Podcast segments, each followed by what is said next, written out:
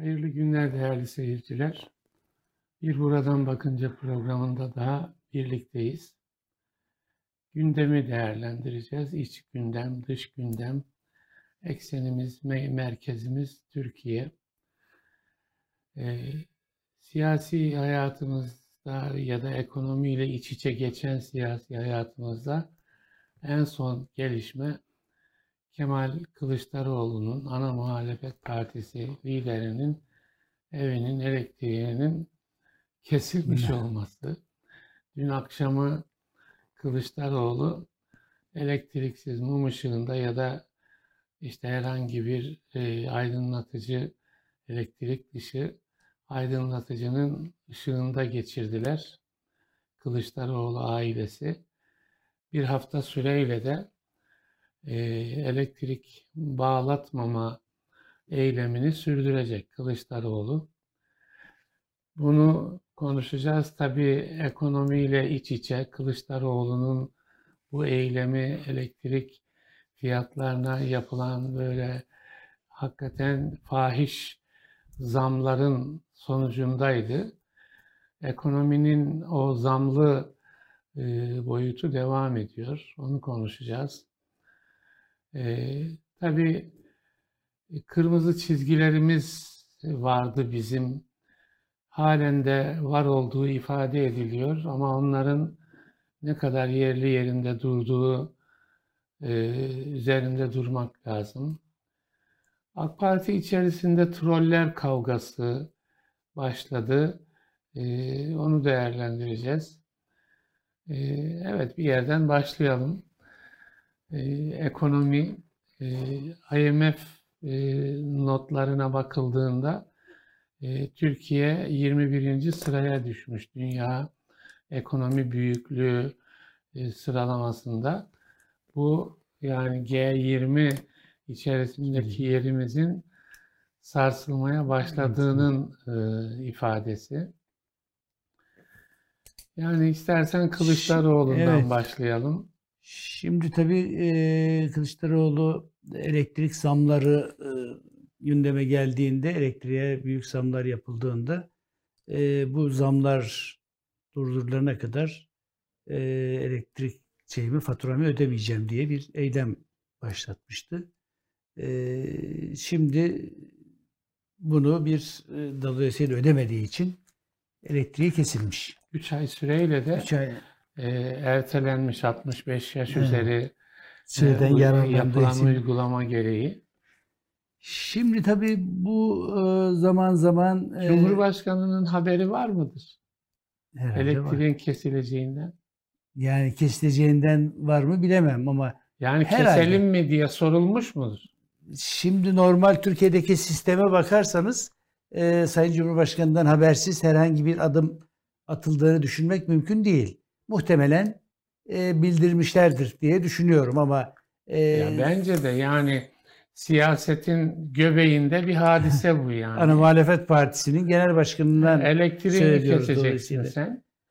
E, evet. Şimdi tabii e, bunu zaman zaman eleştirenler de oldu. Yani e, şimdi böyle bir örneklik oluşursa e, yani herkes mi ödemesin, mağdur duruma mı düşer, insanların mağduriyeti ne olacak filan diyenler.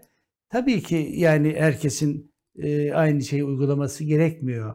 Gerekmiyor derken yani bu tabii bireysel bir tercih sonuç itibariyle. Yani şey dememiş, demiyor zaten. Zaten öyle de bir çağrısı yok. Yok. Şeyin, evet. e, Sayın Kılıçdaroğlu'nun e, bir siyasi lider olarak işte Ana Muhalefet Partisi'nin lider olarak kendi siyaseti açısından bir farkındalık oluşturmak ve işte toplumda e, zamlara özellikle elektrik zamlarının e, yüksek olmuşuna dikkat çeken e, bir siyaset yapma biçimi daha doğrusu. E, 4 milyon insanın elektriği kesilmiş bu geçtiğimiz süreçte. Yani müthiş bir şey. Tabii yani Türkiye'de e, bu anlamda yani bunun göstergesi şu tabii. Yani ekonomik e, sıkıntı, ekonomik kriz o kadar derin ki e, insanlar en normal işte elektriklerini, elektrik faturalarını doğal olarak ödeyebilecek iyi kötü bugüne kadar ödüyorlardı. E, ama her şey ya büyük zamlar gelince doğal olarak insanlar işte pazara gidip bir şeyler alacak, sebze alacak. Karnını doyuracak. Karnını yani. doyuracak yani Evet. özet olarak. E, bunun faturası çok yükseldi. Doğal olarak hani elektriğini de e, ödeyecek para da bulamıyor olabilir. Yani şimdi mesela şeyler geliyor, bayram geliyor. Ee, otobüs fiyatları, geçen gün Sayın Ali Babacan'ın galiba şeyi vardı. Ankara'dan İstanbul'a geliş 304 lira. Dönüş de 304 lira. 608 lira İstanbul'dan Ankara'ya gidip gelmek. Yani bunun e, hatta bunun üzerine de biliyorsunuz İstanbul Büyükşehir Belediyesi şey başlattı. Askıda, öğrenciler bilet- açısından bir askıda bilet. askıda bilet. E, Sayın Kılıçdaroğlu da dedi ki ilk şey benden. Hı hı. E, şimdi memleketteki manzara bu. Yani askıda ekmek e, şeyini gördük. İnsanlar e, ekmek almakta, ekmek kuyruklarındaki o dramatik manzaraları da bu ülke yaşıyor. E, oradan baktığımız zaman gerçekten e, Türkiye'nin, AK Parti'nin daha doğrusu koyduğu hedeflerle Türkiye'nin geldiği noktaya baktığımızda e, aslında AK Parti iktidarı açısından gerçekten e, çok e, hüzün verici bir durum. E, şimdi e, ilk 20 e, hedefiydi. İşte G20 içinde yer alan dünyanın 20 büyük 17. ekonomisi sıraya gelmiştik. sıraya ara. gelmiştik. Ee, şimdi IMF'in yaptığı değerlendirmeye göre onun açıklamasından da anlıyoruz ki Türkiye artık bu ligden de düşmüş. Yani Evet. 20 büyük ekonomi liginden düşmüş durumda. Ee, bunların tabii e, bir muhasebesini e, AK Parti kendi AK Parti iktidarı daha doğrusu yapmak e, durumundadır. Ama şu andaki şeyde böyle bir muhasebeye ihtiyaç duyuyor mu gerçekten ondan da çok emin değilim. İşte şimdi şey var bugün kararın manşetinde de tarlada tarla çiftçiyi bile doyurmuyor. İşte mesela son dönemde zamlarla, pahalılıkla mücadelenin en etkin şeyine herkesin zihninde olan marketleri zabıta gönderip basmak, e, marketlere ceza kesmek. Evet fahiş fiyat yapıyorsa bunun gereği yapılır ayrı mesele. Ama tarladaki işte mazotun e, fiyatı e, müthiş artmış, e, gübre fiyatları artmış. Yani maliyette esas itibariyle e, büyük bir şey var. E, insanlar e, tarlalarını ektiklerinde e, kendi karınlarını bile doyurmakta sıkıntı çekiyorlar. Doğal olarak onların ürettiği ürünlerin e, baştan pahalı olarak e, şeye piyasaya girmesi son derece doğal. E, ama bunun için ben bir işte hani bir suçlu buldum kardeşim, yakaladım.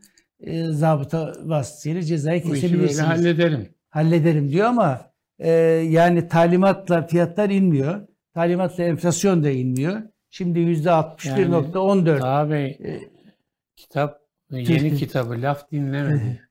Ben de bir ara demiştim enflasyon da laf dinlemiyor. enflasyon da laf dinlemiyor. Merkez Bankası Başkanı'nı değiştiriyorsun ama Tabii tabii. enflasyonun rakamlarını indiremiyorsun aşağıya. Ha, belli bir şey yapıyorlar. Şimdi 61.14 mesela e, tüketici enflasyonu. E, ama gerçek anlamda hissedilen insanların yaşadığı enflasyon %90-100 civarında bir enflasyon var. E, tabii bu, bu tablonun e, iktidarlar açısından çok e, vahim sonuçları olabilir. Ama şu anda yaptığımız, daha doğrusu iktidarın yaptığı işte dövizi belli bir şeyde tutmak e, ve bir takım kaynaklar dışarıdan bir takım borçlar bulabilirse swap yoluyla bir takım şeyler bulabiliyorlar, kaynaklar bulabiliyorlar. E, ama bunun nereye kadar gideceği konusunda yani iktidarın da bir şeyi yok, Evet. e, bir kanaati yok. O yüzden işimiz zor. Evet işimiz zor.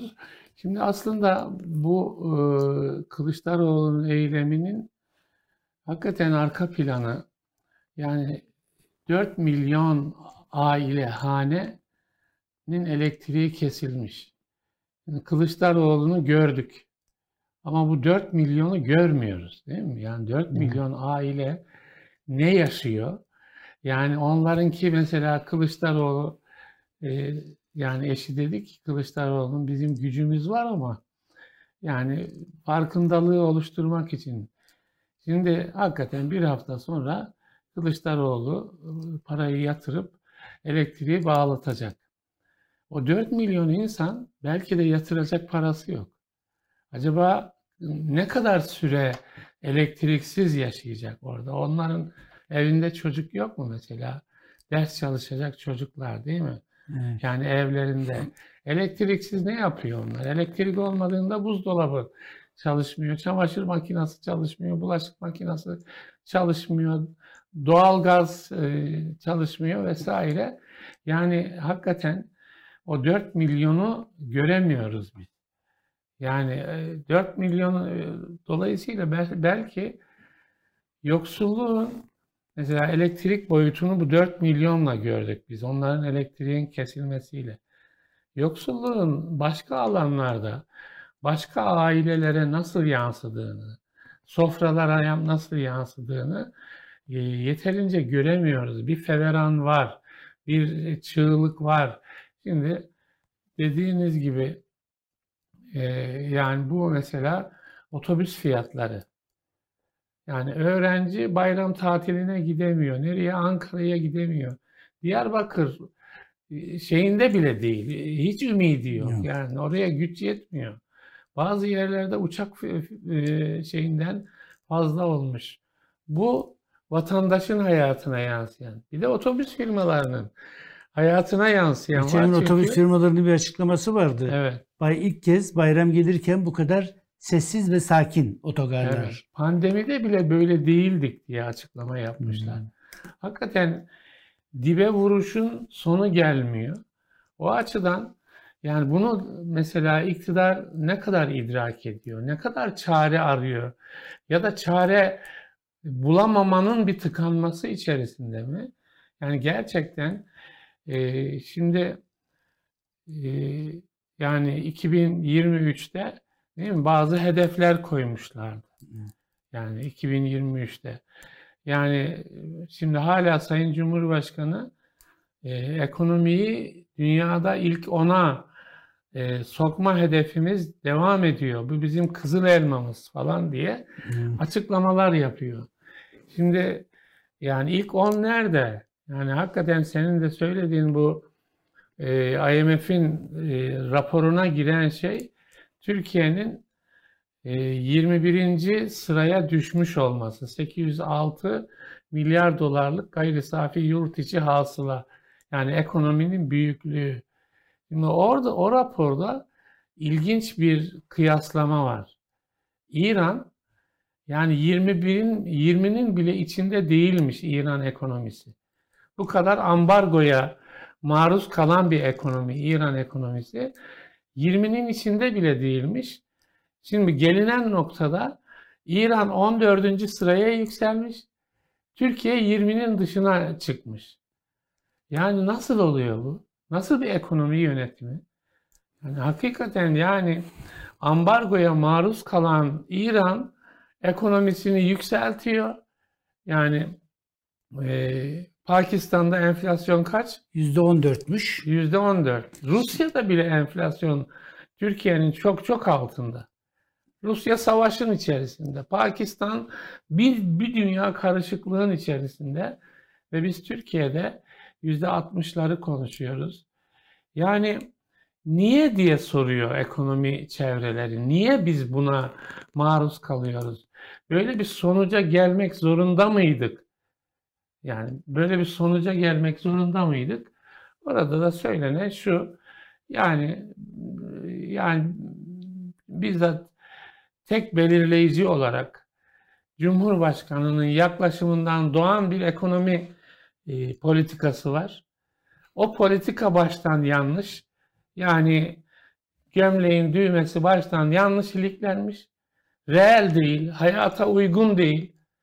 Yani e, Nas vesaire diyor ama Nas'ın da canına okuyan bana göre. Evet. Bana göre Nas'ı aslında e, suçlu hale getiren bir yaklaşım bu. Yani e, çünkü reel değil. Evet. Doğru bir uygulama değil. O uygulamayla dövizi fırlatıyorsun. Yükselmiş yükselmiş döviz. En son operasyonla %15 noktasına inmiş. O her şeye yansıyor. Değil mi? Evet. O ithal bütün ürünlere yansıyor. İthal bütün ürünler dolayısıyla fiyatı yükseldiğinde hayatın tüm alanlarında fiyat yükseliyor. Ve iktidar bunun içinden çıkamıyor. Çıkabilir mi? Yani zor. Nasıl zor? Yani Cumhurbaşkanı'nın e, olaya bakışının değişmesi lazım. Kimse Cumhurbaşkanı'nın önüne efendim bu iş yani dü- bütün dünya söylüyor ki bu iş şuradan yanlış yürüyor. Sizin şu bakışınız problem. Bu, bunu değiştirelim. Bu size de yarayacak, değil mi? Yani, Yani bu- bu, enflasyonu bu size de yarayacak yani. yani e, işte faiz sebep enflasyon sonuç dediğiniz zaman e, yani bunun sonuçlarını görüyorsunuz. İşte döviz çıkıyor, e, enflasyon da yükseliyor. Yani bütün dünyada örnekleri var. İşte Amerika'da e, şey faiz 0.25 iken şey yükselince enflasyon %7'lere yükselince doğal olarak yüzde 0.25 baz puan artırdılar. Şimdi daha agresif bir politika izleyecekler. Muhtemelen Mayıs ayında e, 0.50 gibi bir artış da olabilir. Yani bütün e, iktisat bilimi, e, dünyadaki uygulamalar, her şey e, gösteriyor ki normal ekonominin bir kuralı var. E, hiçbirinde de bu kuralların hiçbirinde faiz düştüğü zaman enflasyon da düşer diye bir şey yok. Ne uygulamada var ne teorik bilgi olarak iktisadi anlamda böyle bir bilgi var. Şimdi bunun sonuçları görüldüğü halde e, bu sürecin devam etmesi, daha doğrusu e, bu politikanın devam etmesi doğal olarak biz kardeşim dünyanın uyguladığı reel politik, e, ekonomi politikten başka bir şey yapacağız. Başka bir tez ortaya koyduk ve bunu kanıtlayacağız demektir. E, nitekim onu söyledi Sayın Cumhurbaşkanı. E, ama kanıtlanan sonuç Kanıtlanamıyor. e, Çok kötü kanıtlanıyor. Çok kötü kanıtlanıyor ve bu varıp hakikaten sistemin kendisine e, yönelik bir problemi ortaya koyuyor. Yani tek adam e, hakikati ben biliyorum. Benim bildiğim hakikati bakanlar uygulamak zorunda, işte kurumlar uygulamak zorunda. E, öyle dediğiniz zaman e, ve o tek adamın düşüncesi problemliyse problemi bütün topluma yayan bir Ayrıca bir de bir işliyor. insan her şeye yetemez. Yani biyonik bir insan olsanız bile yani burası 84 milyonluk bir ülke. Yani bu ülkenin bütün her işiyle en küçük yani öyle hakikaten bir ilçeye milli eğitim müdürü atanacaksa bile herhangi bir şube müdürü atanacaksa bile bu e, Sayın Cumhurbaşkanı'nın imzasından geçmek zorunda. Kimse kendi başına o zaman bakanlıkların filan bir önemi yok. Yani Ya yok ek- zaten yani. Ekonomiyi o biliyor, dış politikayı o Yani biliyor, yetişemez zaten eğitimi yani. o biliyor, sanatı o biliyor. Ya bilmiyorum bizde e, biraz böyle hani tek adamın mottolarıyla e, yönetilme gibi bir şey mi var yani bizim memleketimizde? Yani gerçekten e, şimdi bakan değiştiriyor. Ne nasıl bir bakan geliyor? Cumhurbaşkanının yaklaşımına böyle söz söyletmeyen bir bakan geliyor. Nasıl bir Merkez Bankası Başkanı geliyor? Laf dinleyen bir Merkez Bankası Başkanı geliyor. Ya bu zaten hakikaten farklı düşünce, farklı açılım. Ya bu problem devam ediyor, değil mi? Problem Evet. devam ediyor, derinleşiyor. Dibe vuruyoruz. Dibin dibi kalmadı. Herkes feryat ediyor. Yani yani herkes hakikaten şimdi mesela ev fiyatları, ev fiyatları, kira fiyatları, Evet. yani müthiş bunlar yani. Her gün birbirini böyle hayrete düşüren e, rakamlar okuyoruz bu noktalarda. Bir de sen dedin ondan sonra pa- para arıyoruz değil mi? Oradan şeye geçelim istersen dış politika Evet. ilişkilerine bu e, para sıkıntımız e, uluslararası ilişkilerde de sanki bir e, şey oluşturmaya başladı. Yani e, bizim politikalarımıza yönelik bir yönlendirme, bir istikamet çizme. E, yani hani şöyle de ifade edilebilir. Kırmızı çizgileri paspaslama gibi bazı şeyler evet. oluşturuyor. Yani diyelim İsrail ile ilişkiler. Yani son olarak yani İsrail ile ilişkiler olmalı mı? Olmalı. Ee, e, yani İsrail diye bir vaka var orada. Yani ilk tanıyan ülkelerden birisi Türkiye İsrail'in varlığını. Varlığına yönelik bir sorgulama yapmıyor Türkiye. Bugüne kadar da yapmadı.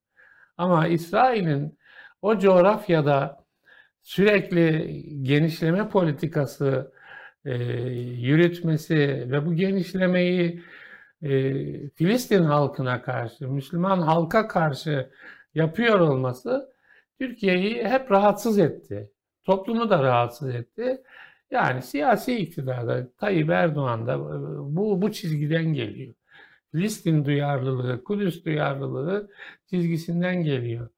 Ama e, zaten o çerçevede de tavırlar kondu bugüne kadar. Çok sert de terör evet. devleti diye ifade etti değil mi? Tabii tabii. Sayın Cumhurbaşkanı İsrail'i terör devleti. Şimdi işte o ekonomik bir takım zorlamalar İsrail'i ile ilişkiyi tırnak içinde normalleştirme noktasına getirdi. Normalleştirelim. Tamam normalleştirilsin. Herzog geldi İsrail Cumhurbaşkanı. Normalleşsin oldu şey. E, görüşmeler oldu. Yakında Dışişleri Bakanı'nın İsrail'e gideceği söyleniyor. Muhtemelen Cumhurbaşkanı iadeyi ziyarette bulunacak ama tam Ramazan ortasında Kudüs'te, Mescid-i Aksa'da yerleşimci baskınları, Yahudi baskınları gerçekleşti. Ne oldu?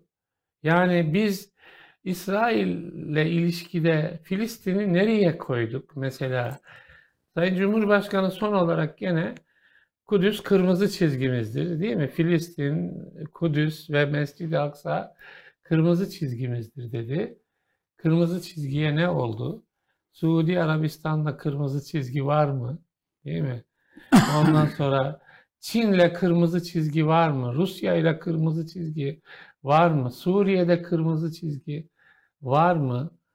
Yani ekonomik anlamdaki bu sıkışma e, ve Cumhurbaşkanı'nın tek belir, belirleyici konumu Türkiye'yi dış ilişkilerde de problemli hale getiriyor mu sorusu bence soruluyor Şimdi artık. tabii e, doğal olarak yani dediniz ya e, normalde Filistin'le ilgili e, duyarlılık konusunda AK Parti ve tabanı Türkiye'deki şeyler duyarlıdır.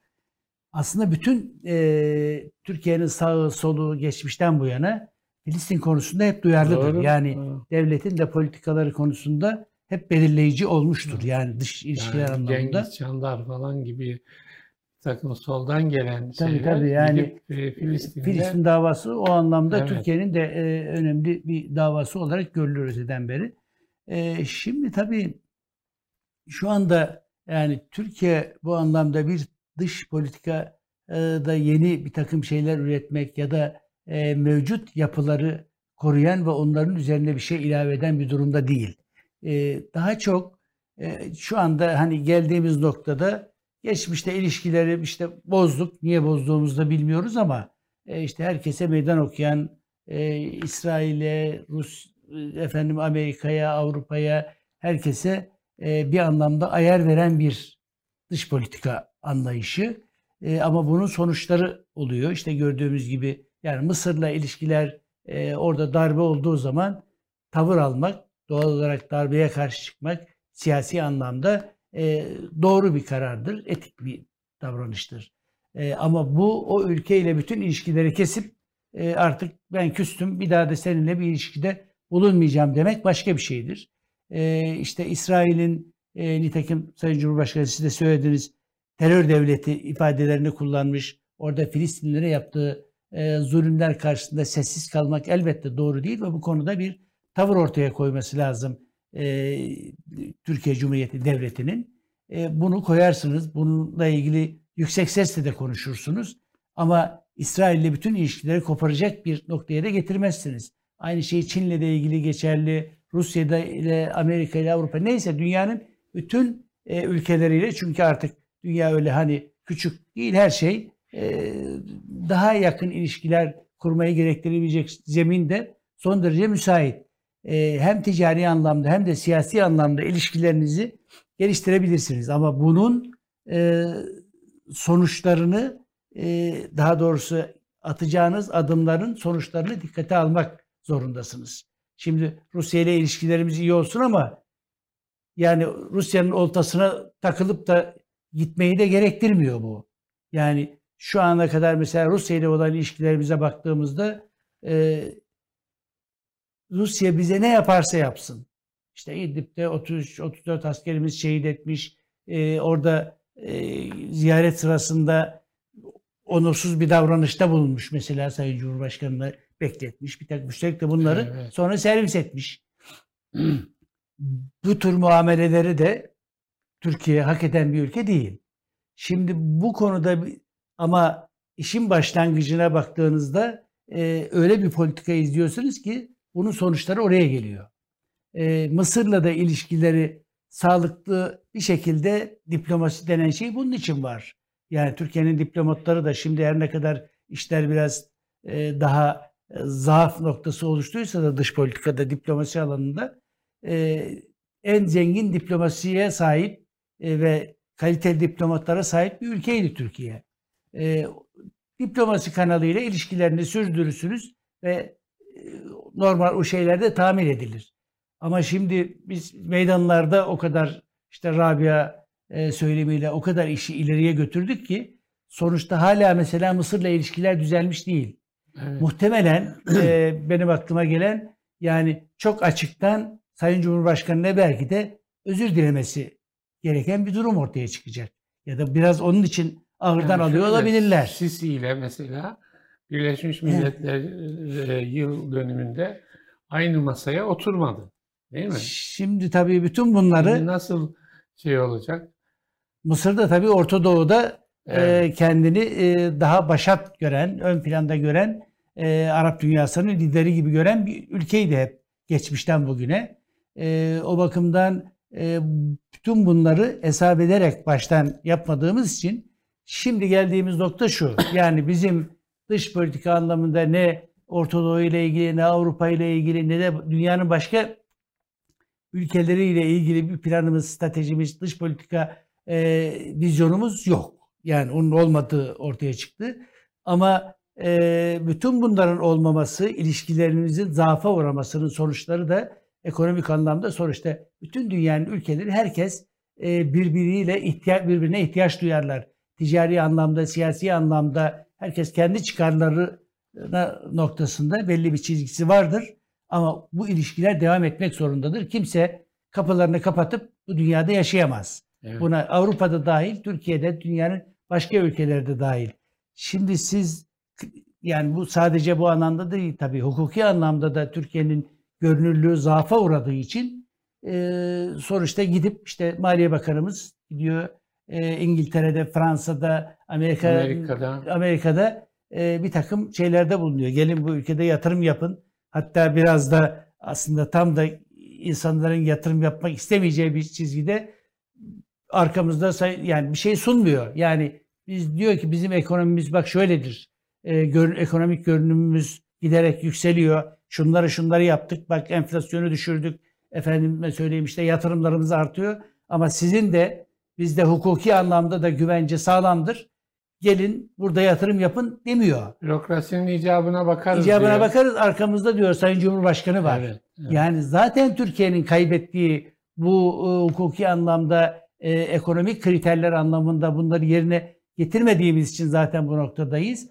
Dolayısıyla dış politikamızı da artık bütün bunlara kim bize kredi verir, kim bize para verir ona göre bir dış politika ayarlamasına girmiş durumdayız. Maalesef, Esas evet. çıkmaz sokak bu. Yani galiba.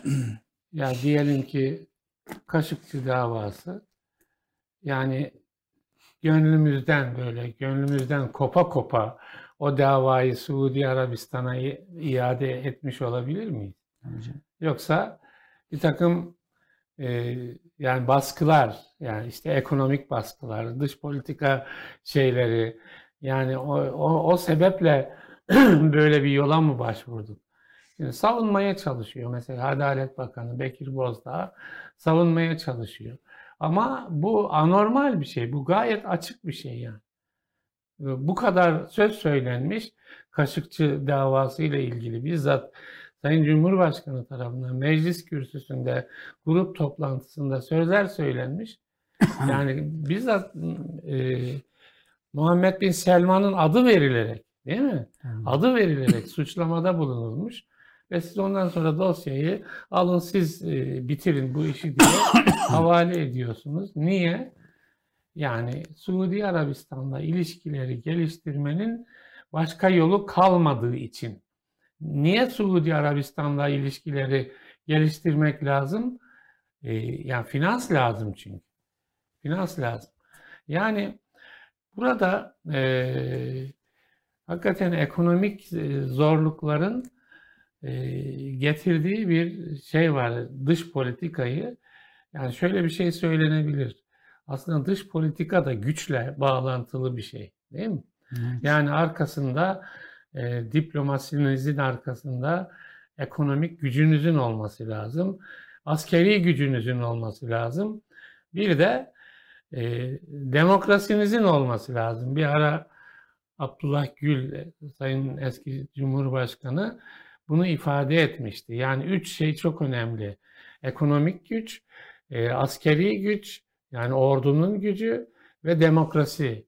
Şimdi demokrasi noktasında özürlüyüz, hukuk devleti noktasında özürlüyüz, ekonomik güç noktasında çok problemliyiz.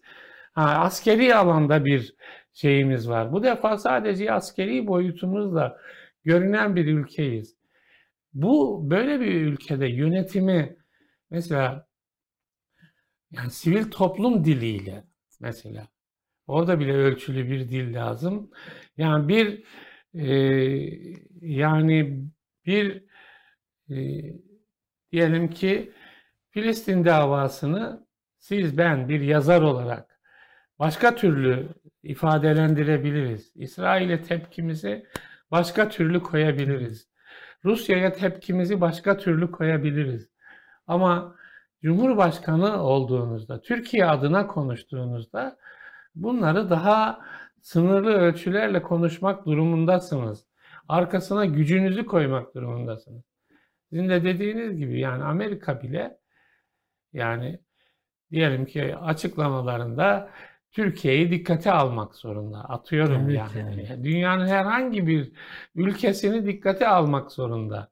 Yani ben Türkiye'yi tınmıyorum diyecek bir dünya gücü yok. Evet. Yani o beş ülke Birleşmiş Milletler Güvenlik onlardan herhangi birisi bile bunu söyleyemez. Ama biz zaman zaman bunu şey yaptık. Şimdi mesela İsrail ile Filistin konusunda neyi çözeceğiz? Ya ben bakıyorum. Mesela Sayın Cumhurbaşkanı e, Birleşmiş Milletler'de bir harita gösterdi değil mi? 1948'den bu yana Filistin ne kadar küçüldü, İsrail ne kadar büyüdü. Gazze diye bölmüş, Batı Şeria diye bölmüş. Ondan sonra e, Kudüs'te de küçücük bir topluluk kalmış. Batı Şeria'dan Kudüs'e gelemiyorlar. Gazze'den Kudüs'e gelemiyorlar. Yani bizim e, Hakan Albayrak dünkü yazısında yazmış. Yani bugün Mescid-i Aksa'yı koruyan Filistinli nüfusu Kudüs'teki bir avuç insandan ibaret. İsrail onu da yavaş yavaş tüketmeye çalışıyor. Şimdi ne yapacaksınız? Mesela neyi geriye döndürecek Türkiye? Ya bunu baştan beri belki de daha sağlıklı düşünmek gerekiyordu. Yani benzeri şeyleri mesela Doğu Türkistan, Çin ile ilişkimiz Doğu Türkistan'a böyle canla başla sahip çıkmayı engelliyor. Kırım, Grozny mesela, Çeçen meselesine duyarlıyız biz. Akraba topluluklar bunlar. Grozny yerle bir etti Rusya yani. Binlerce insanı katletti orada. E, Kırım'ı ilhak etti falan. Yani nerede hakikaten bizim dış politikamız üzerinde şimdi ekonomik daralmanın getirdiği bir ipotek var. Yani o zaman da sesinizi kısıyorsunuz. Daha sınırlı şeyler, kırmızı çizgileri görmezden geliyorsunuz. Şimdi dedin hakikaten 33 askerimizi şehit etti Rusya. Hangi, neyi hatırına sustuk biz? Neyi hatırına? İşte ekonomik ilişkiler aslında e, ülkelerle ilişkilerin normalleşmesi açısından önemlidir. Rahmetli Evet. Özal'ın şeyi vardı yani krizleri çözmenin en iyi yolu ülkelerle ticareti geliştirmektir Doğru. diyordu. Yani mesela Kuzey Irak'la ilgili de o zamanki esas tezlerinden biri oydu. E, yani PKK'ya karşı biz bir mücadele veriyoruz.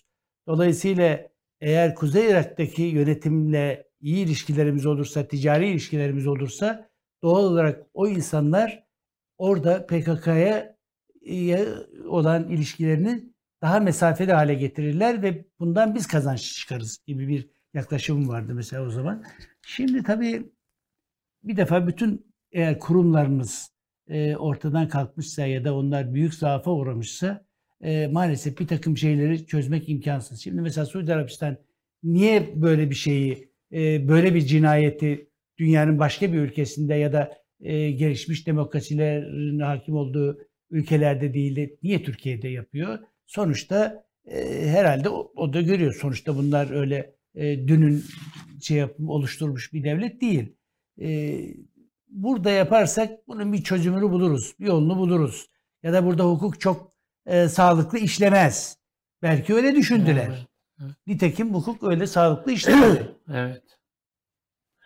Çok vahim bir kere. O hakikaten e, Kaşıkçı davası ile ilgili gelinen nokta son derece vahim. Bundan Suudi Arabistan da utanç duymalı. Bana göre. Bizim hukuk düzenimiz de utanç duymalı. O, o ona nezaketen gönderilmiş falan. Böyle ifadeler var o iade dosyasında. Yani hukukta öyle nezaketen diye bir şey olmaz. gönderilmiş falan diye ifadeler var. Buradan istersen Suriye ve Evet, göç, mülteci. göçmen, e, mülteci e, konusuna geçelim. Yani muhalefet bir sıkıntı var belli ki o alanda bir kere e, çok büyük bir e, nüfus söz konusu. Göçmen dediğimizde onun içine giren yani 5 milyon, 6 milyon, başka hatta 8 milyon Diğer gelenler, ülkelerden gelenlerle ilgili 10 milyon Afganlar, yerler var. Özbekler vesaireyle e, çok yüksek bir e, rakam söz konusu. Yani Suriyeli dediğimizde de 3 milyon 600 bin civarında bir rakamdan söz ediliyor. Kayıtlı vesaire. E, yani bir bir göçmenler açısından bir e, büyük e, dram söz konusu. Yani mesela oturup göçmenlerin yaşadığı dramı hem bize gelenlerle hem diyelim Ürdün'e, Lübnan'a gidenlerle hem yani Akdeniz'de ya hayatlarını kaybedenlerle baktığında bir şey var. Bütün insanlık adına hakikaten bir büyük dram yaşanıyor. Ama bir de Türkiye'nin e, özümseyebileceği, hazmedebileceği, tolere edebileceği e, yapı e, değil mi? Yoğunluk Evet. açısından problem var. Yani hangi topluma böyle 3-5-10 yıl içerisinde 7-8 milyon yeni insan unsuru, farklı insan unsuru gelse orada bir en azından hareketlenme olur. Orada bir sıkıntı olur. Ee, ki var Türkiye'de de. Değil mi? Var Türkiye'de de. Ee, en son hareketlenmesi e, yani muhalefetin bu noktada geri gönderilmeli bunlar bir şekilde. Ya onurlu bir şekilde vesaire. En son buna e, Cumhurbaşkanı geri göndereceğiz diye bir ifade kullandı. Bahçeli, iktidarın, Cumhur İttifakı'nın diğer ortağı, geri gönderilmeli diye bir ifade kullandı. Bayrama gidenler niye geri gelsin falan gibi.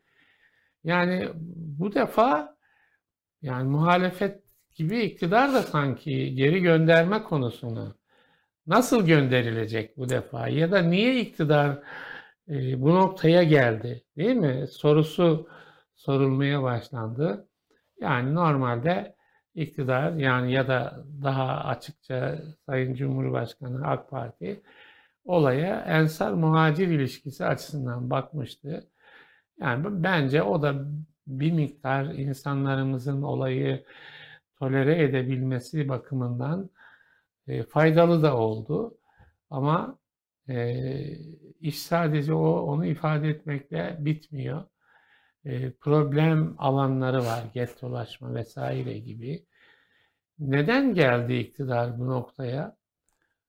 Acaba seçime tabii, etkisi olacağı düşüncesiyle. Muhtemelen. Ben tabii e, yani bu işlerin böyle tartışılıyor olmasından gerçekten rahatsızım. Yani e, evet Türkiye'de e, yani yaklaşık başka ülkelerden gelenlerle birlikte 10, bin, 10 milyonluk rakamdan söz ediyor işte 5 milyon 6 milyon neyse. E, yani evet toplumun tolere edebileceği bir noktayı aştığı muhakkak. E, ama e, bunun böyle bir mülteci düşmanlığına, yabancı düşmanlığına dönüşmesi çok tehlikeli bir şey. Yani ayrıca Türkiye'ye yakışan bir şey de değil. E, bu işin e, tabii gerek sosyal medyada gerek gazetelerde, televizyonlarda tartışılma biçimine baktığımızda e, meselenin başlangıç noktası unutuluyor. Niye geldi bu insanlar?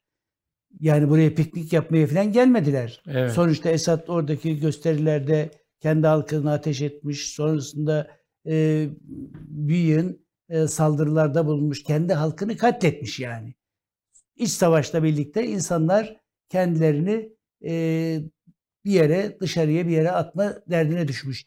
Kim evinden, barkından, çoluğundan, çocuğundan kopup da başka bir yerde yaşamayı ister? Yani bunu bir empati yaptığımızda yani Allah göstermesin kimsenin başına gelmesin deriz mesela. E, ama maalesef iktidar evet kardeşim o tür e, durumlarda bize sığınan insanlara biz kucak açarız. Onlara gerekli yardımı yaparız. Ama devlet diye de bir şey var. Yani devlet kimin e, ne kadar bu ülkeye geldiğini, e, kimin ne özelliklere sahip olduğunu da bilir.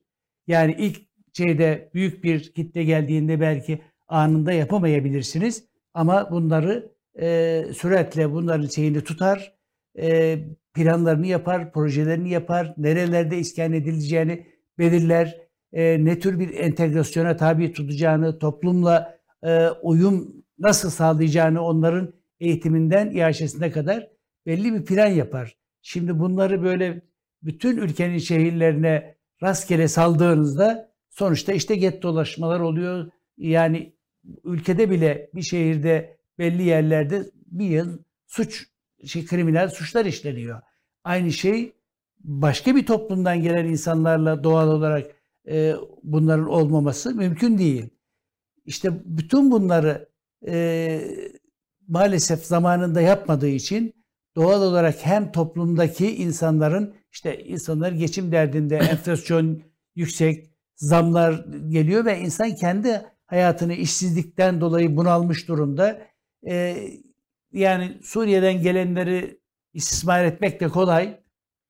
Maalesef ticaret, ticari şirketler, fabrikalar onları görünce insanlar doğal olarak öfkeleniyorlar. Evet. Yani buradaki ekonomik sıkıntının, e, yoksulluğun bedelini çeken insanlar doğal olarak böyle bir öfke. Şimdi burada haksızlık şu. Hem içerideki insanlara bu politikasızlığın sonuçları yansıyor, onları rahatsız ediyor. Hem de gerçekten vatanlarından, yurtlarından kopup buraya sığınan insanları da bu öfkenin önüne atıyorsunuz. Evet. Yani bu çok e, tehlikeli bir şey. O yüzden e, evet muhalefet öteden beri diyordu ki Sayın Kılıçdaroğlu'nun açıklamaları var. İşte şeyle e, belli bir e, uzlaşma sağlayarak rejimle e, Suriye yönetimiyle güvenli bir şekilde yerlerine gitmelerini sağlayacağız. Bu tabii öyle çok büyük oranda olması mümkün değil. E, ama belli ölçüde belki gönüllü gidişler olabilir. Yani bunu aslında bir devlet politikası olarak belki iktidar muhalefet birlikte oturup konuşarak ama kesinlikle bir daha itidalli dil kullanarak. Şimdi mesela Sayın Cumhurbaşkanı 2018'den bu yana açıklamaları var. Ee, işte bunları e, orada yerlerini temin edip orada güvenliklerini sağlayıp memleketlerine göndereceğiz diyor. Sonra onları bombaların altına gönderemeyiz diyor. Ee, sonra ensar muhacir onlar biz daha da gelirse onları da alırız diyor. En sonda onları memleketlerine göndereceğiz. Sayın Bahçeli de işte e, gitsinler bir daha gelmesinler, gönderilsinler diyor. Şimdi tabii burada her gün değişen bir politika var. Zaten politikasızlığın aslında en büyük kanıtı bu. Şimdi bir defa şunu bilelim ki dünyanın hiçbir yerinde öyle olmamıştır. Gelen bu insanlar büyük oranda memleketlerine geri dönmezler.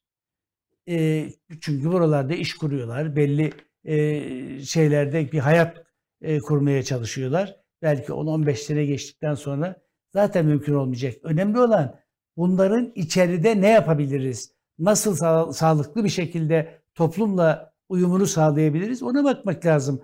Almanya'da da zaman zaman oralarda da rahatsızlıklar oluyor. Avrupa'nın başka ülkelerinde de. Ama mesela bu konuda en iyi örnek aslında Almanya. Bu konuda daha e, yani insanların öyle çok sokaklarda dolaşmasına e, şey yapmadan onları entegrasyon için kurslar alıyor, e, belli eğitimleri alıyor, e, iş yerleri açıyorlar filan. Bir denetim var ama bir imkan da var. Buna rağmen Almanya'da Türkiye Rausch diye Tabii, tabii. Ya duvarlara- Türkiye'nin yaşadığı- duvarlara yani Türkler dışarı diye duvarlara Bunlar aşırı e, uçlar olacaktır ama-. Şimdi mesela korktuğu Sayın Cumhurbaşkanı'nın bu sözü niye söylediğini muhtemelen çünkü yapılan araştırma sonuçları %80-85 oranında AK Parti seçmeninin de neredeyse CHP'den fazla yani. Evet. Şimdi dolayısıyla bunun sandığa yans bir negatif yansıması olmasından endişe ediyor muhtemelen. Çünkü her işimizi oya Evet. göre ayarladığımız Yani için evet, maalesef yani bence de sandık hesabı o noktada e, devreye girdi. Hem Cumhur İttifakı zaten oylarda önemli ölçüde e, düşme söz konusu. E, Suriye meselesinin de göçmen meselesinin de bunda etkili olduğu yani ekonomiyle bağlantılı değil mi? yani onlara yardım ediyorsunuz, vatandaşın yoksulluğunu görmüyorsunuz vesaire gibi bunlar e, hakikaten şu anda ciddi yoksulluk yaşayan e, toplum kesimlerinde e, bunun etkili olmaması mümkün değil. Ama hakikaten geri dönüş nasıl olacak? Yani e, Türkiye'de doğan çocuklar var. Bunlar e, Türkiye okullarında okuyan Suriyeli çocuklar var. Yani normal bizim çocuklarımız gibi Türkçe öğrenmiş olan e, çocuklar var. Bunların e, yani gene de bunların e, entegrasyonu bir problem. Yani entegrasyonu bir problem. Evet, akraba bir kültür belki ama gene de yani e, diyelim ki e, Türkiye'nin farklı şehirlerinden gelen insanların bir arada yaşamasında bile bir entegrasyon değil mi? Uyum uyum problemi ortaya çıkıyor. E, bir de ben bugünkü yazımda da yazdım. Türkiye zaten e, iç sancıları olan bir ülke. Yani farklı alanlarda iç sancıları olan bir ülke. Bunun siyasi alana ciddi yansımaları var. Şimdi bir de Suriye boyutu ekleniyor. Yani gettolaşma bir belki hani birbirine yakın insanların bir araya gelmesi, bir anlamda dayanışma, bir anlamda güvenlik kaygısını ortadan kaldırma psikolojisi açısından önemli. Ama o dikkat de çekiyor. Değil mi? Gettolaştığında ha burası yani Fatih ne oldu?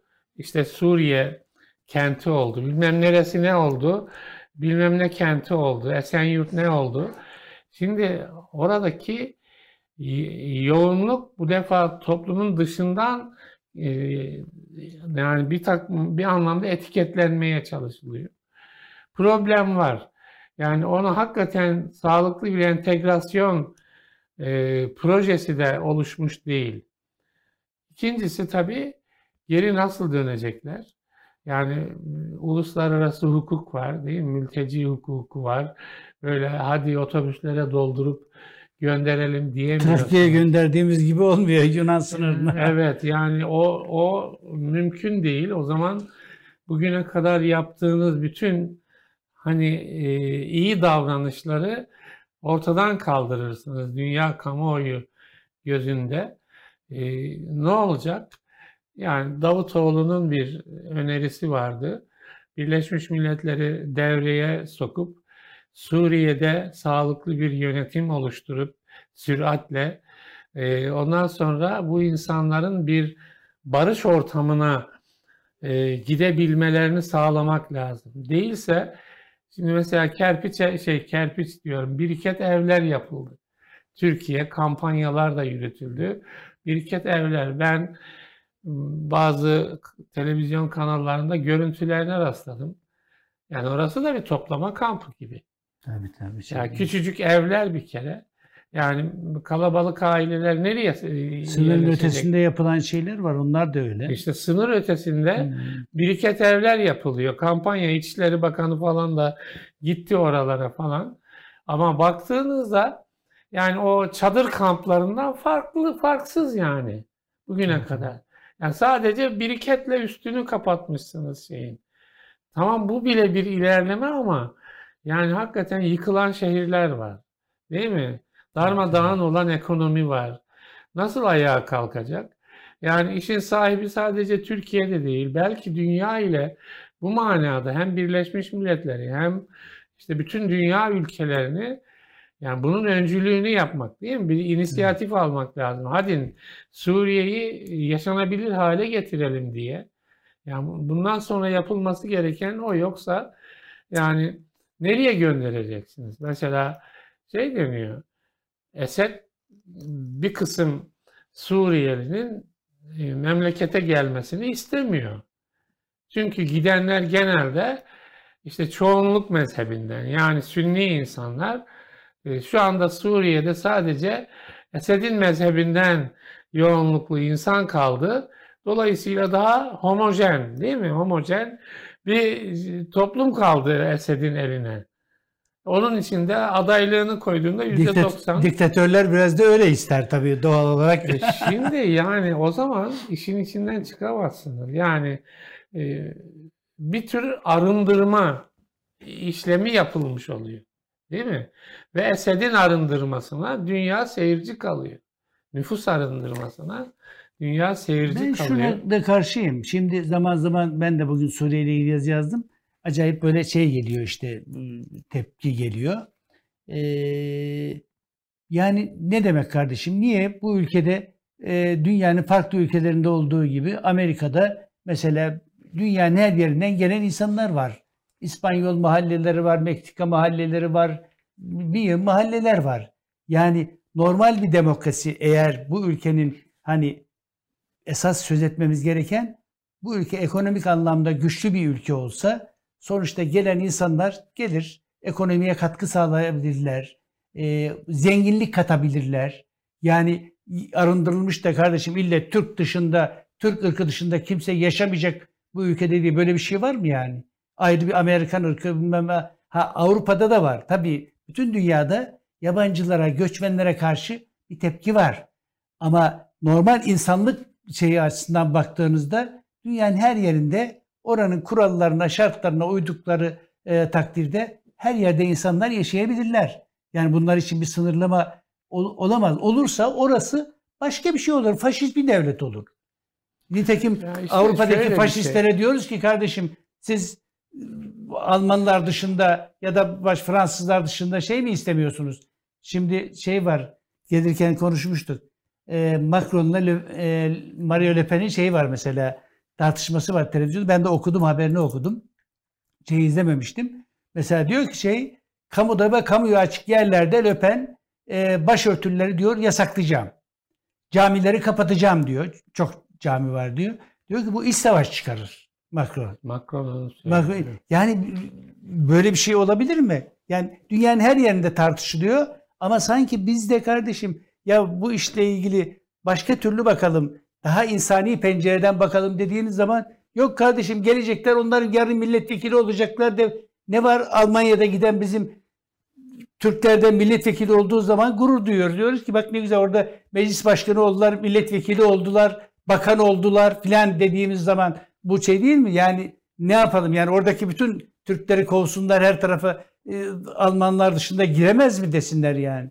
O Evet. yüzden o şeyleri çok İşte bu, iş- bu işlerde şey vardır. Yani mesela Almanya'daki Türklerin varlığı konusunda biz hassasız değil mi? Ee, Yani. ama kendi içimizde bu tarz şeyleri İngiltere Başbakanı Müslüman ya. Pakistanlı Evet. Müslüman yani İngiltere'nin e, şey Londra Belediye Başkanı. evet, evet. Biz de düşünüyorum da hani bir tane Ya da İngiltere Başbakanı Türk kökenli. Yani Türk kökenli.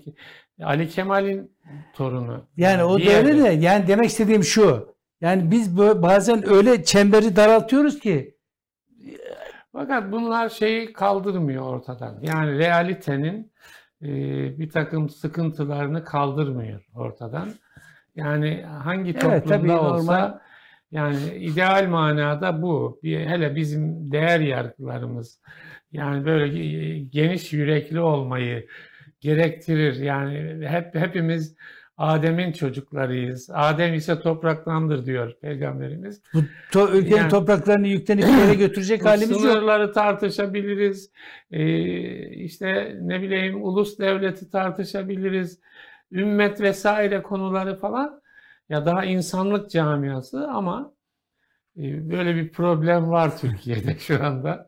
Aslında Ee, Türkiye'nin problemi yani bu ekonomik sıkıntıyı, zamları, enflasyonları, enflasyonu Suriyeliler yapmadı. Onlar icat etmedi.